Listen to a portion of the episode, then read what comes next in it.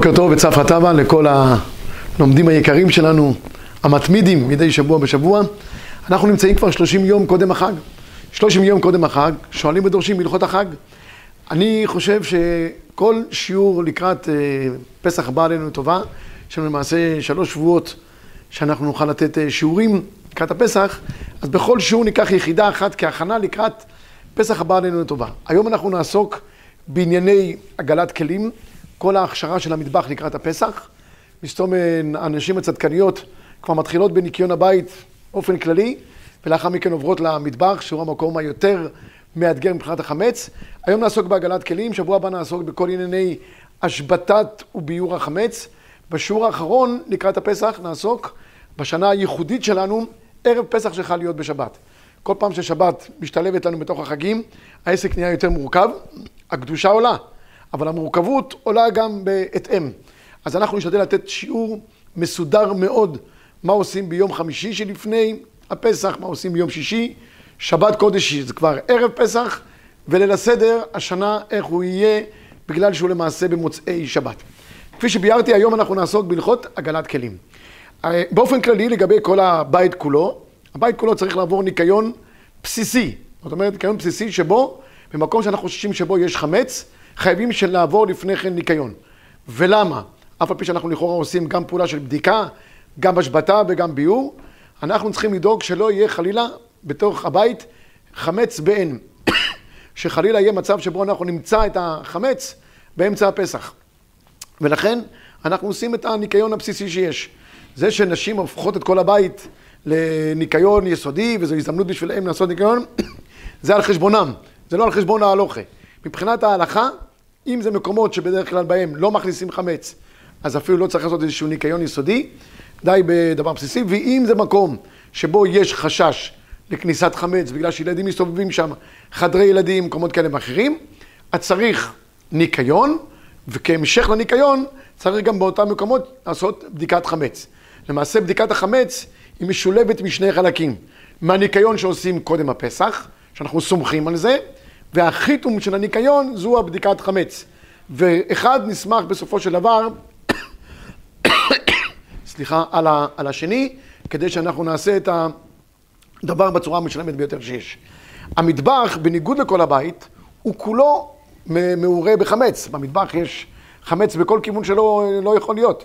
גם בארונות במטבח, שבו אנחנו שמים חפצים כאלה ואחרים, כל מיני חומרים כאלה ואחרים. שימוש בכלים במטבח, מקרר, מקפיא, מדיח כלים, תנורים, כל המקומות האלה הם בנויים כל השנה כולה לחמץ, לאפייה, לבישול וכולי. וכאן למעשה הדבר הזה צריך לעבור תהליך של הכשרה. כאן לא מספיק ניקיון בעלמא כמו שאנחנו עושים בשאר חדרי הבית. פה אנחנו חייבים לעבור תהליך של הכשרת המקומות גם אם אנחנו לא רוצים להשתמש בכל המקומות האלה בפסח, אבל אין שום ספק שחייבים לעשות ניקיון והכשרה מאוד יסודיים ובסיסיים כדי להיערך לקראת הפסח.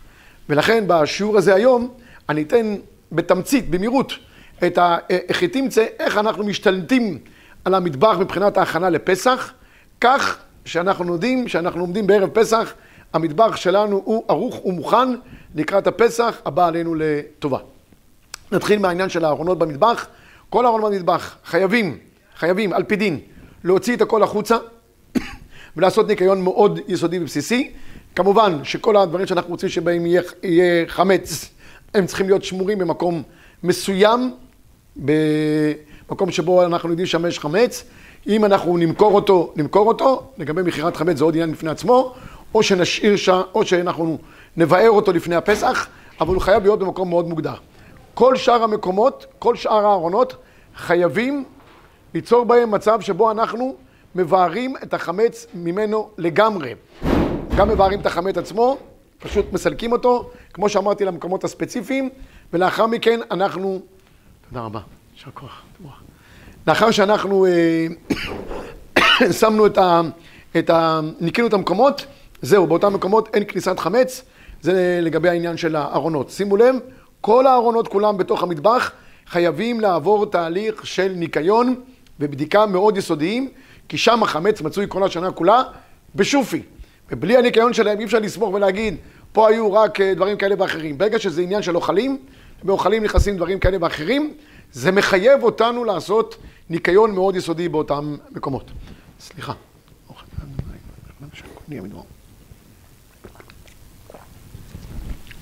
לגבי הכלים עצמם, אנחנו ניגע בכל כלי ייחודי בתוך המטבח, איך אנחנו נוהגים בו לקראת הפסח, ואחר מכן נעבור לדיני עגלת כלים, שבכל בית אפשר לעשות, ואם מישהו לא מעוניין לעשות, אז בדרך כלל עושים את זה ברחבה של מועצה דתית, או של בית כנסת כזה או אחר. אבל קודם כל נעבור לעניין של ההכשרה של הכלים השימושיים מאוד בתוך המטבח בבית שלנו. מקרר, מקרר זה דבר מאוד פשוט מבחינתנו, אנחנו נבער את כל החמץ שנמצא בו, אם מקפיאים בתוך המקרר אה, בורקסים אה, באופן כזה או אחר, לא יודע, מלאווח למיניהם וסוגיהם, כל מיני הבצקים של החמץ, כולם חמץ גמור כמובן. כל הדברים האלה, ישנם שני אפשרויות. או שאנחנו נבער אותם לפני הפסח, נאכל אותם, חבל להשחית, או לתת אותם למרכזי חסד כאלה ואחרים. מי שמבחינתו חושב שיש פה הפסד מרובה, כי אנחנו בדרך כלל נוהגים לא להשאיר במכרעת חמץ, חמץ שהוא בעין. כך פסקו לנו גדולי עולם, הרב אליושי ועוד, חמץ בעין אנחנו לא משאירים בבית פרטי. משאירים במקומות שיש הפסד מרובה, כמו חנויות מכולת, או מפעלים ודברים כאלה ואחרים.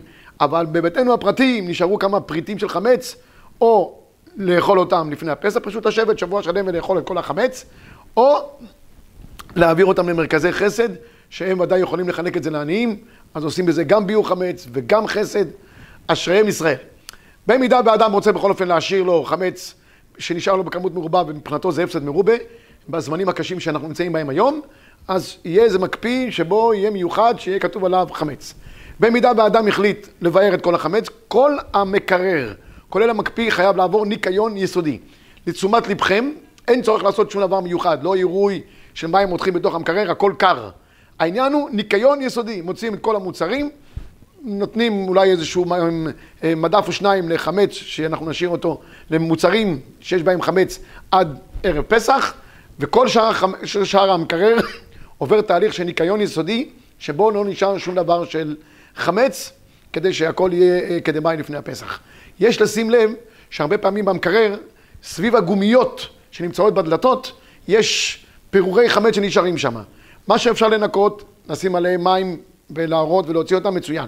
מה שאי אפשר, אחת הטכניקות היותר פשוטות שיש, זה להראות עליהם חומר פוגם, כמו אקונומיקה או כל דבר אחר, וגם אם לא הצלחנו להגיע לאותם פירורים חבויים בתוככי הגומי שנמצא שם, אם הראינו עליהם דבר שפוגם את טעמם, הרי שמבחינתנו הדבר הזה מבואר לקראת הפסח.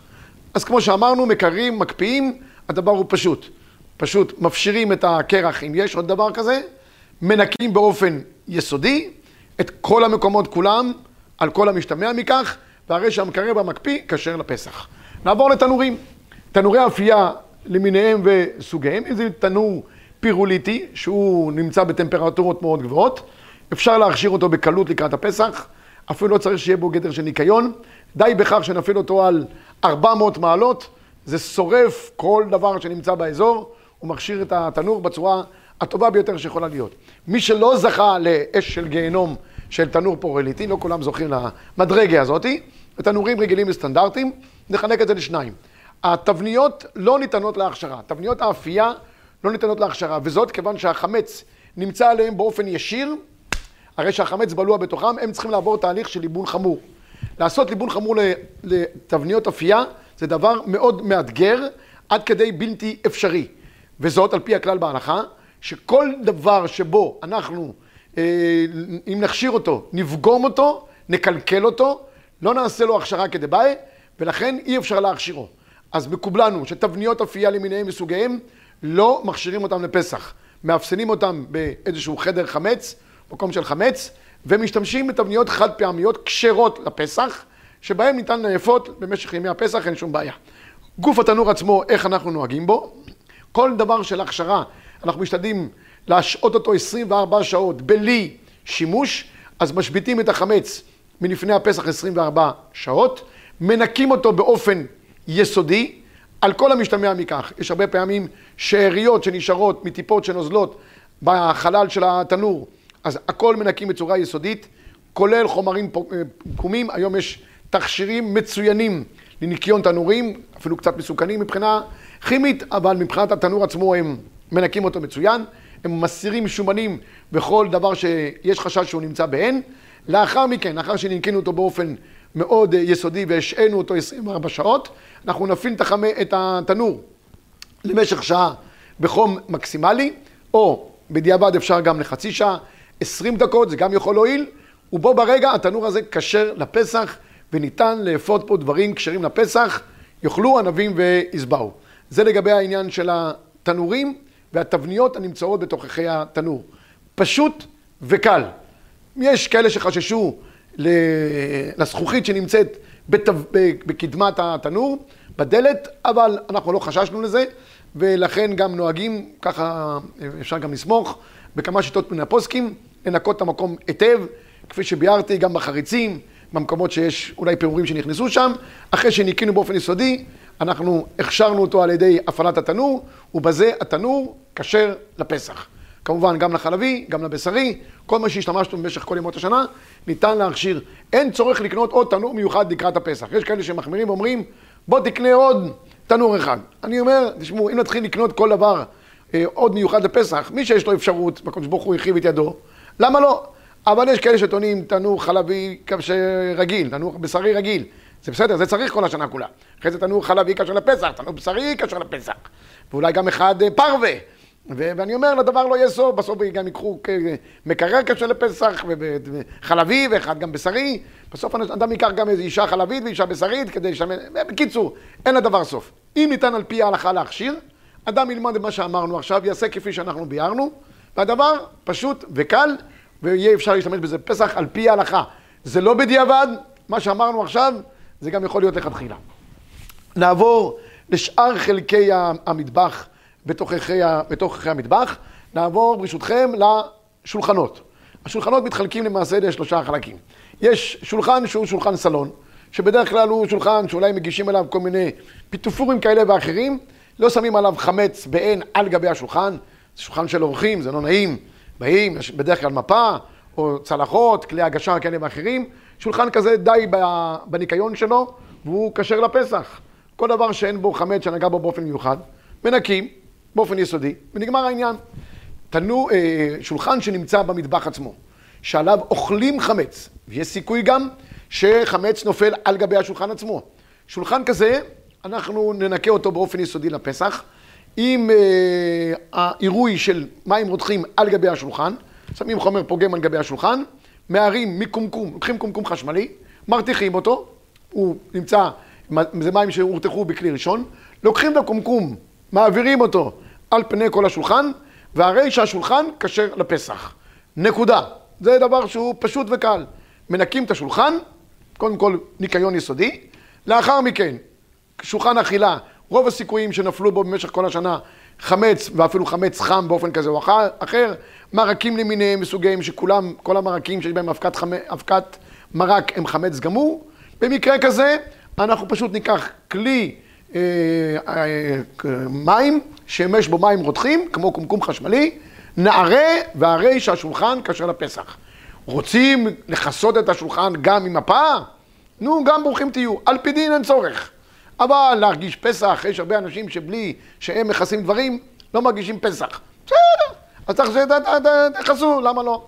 אם יש שולחן, אותו דבר גם לגבי עניין של שיש, שבו אנחנו לא רק חוששים לחמץ שנפל בו, אלא עושים בו בצקים למיניהם וסוגיהם, כן, שם יש, אה, לוקחים את המערוך ורודים את הבצק על גבי השולחן או על גבי השיש, זה נקרא בית שאור, שם מן הראוי להחמיר לא רק להראות מים רותחים, אלא להעביר גם ברזל מלובן או אבן מלובנת על גבי אותו מקום.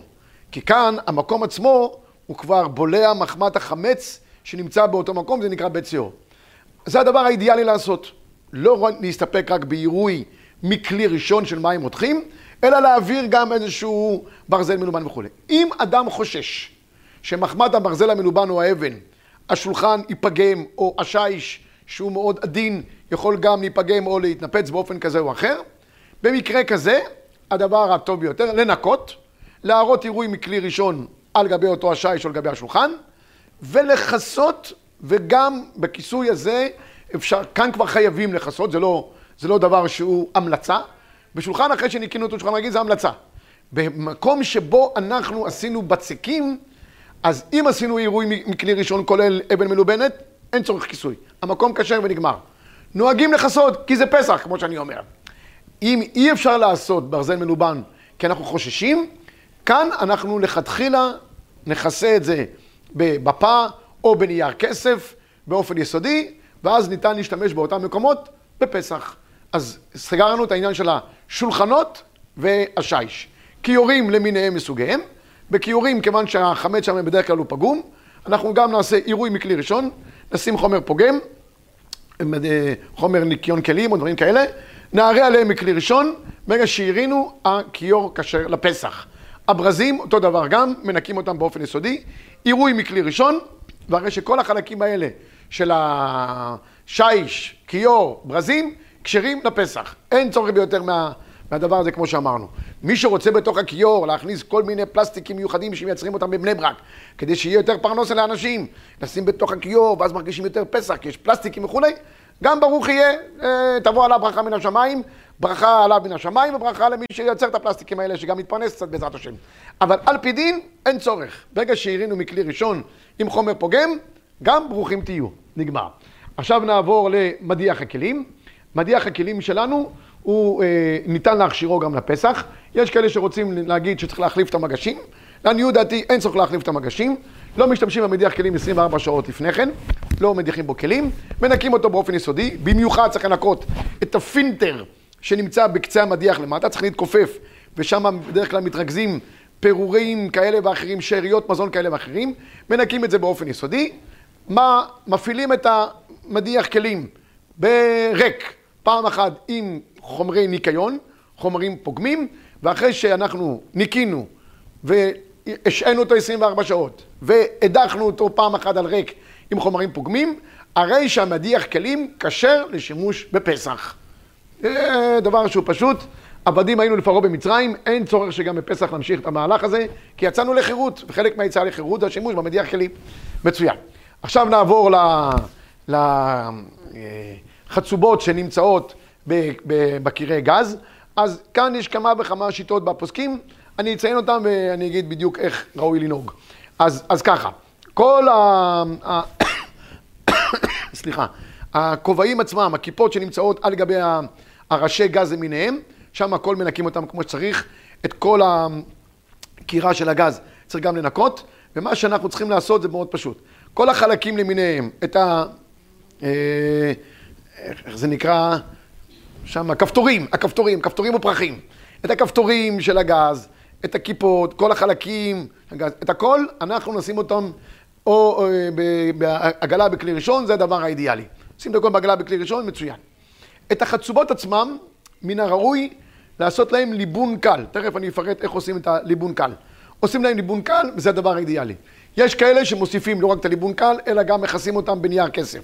גם את הכיפות בנייר כסף, גם את החצובות עצמן בנייר כסף. מי שעושה את הכיסוי הזה, גם ברוך יהיה.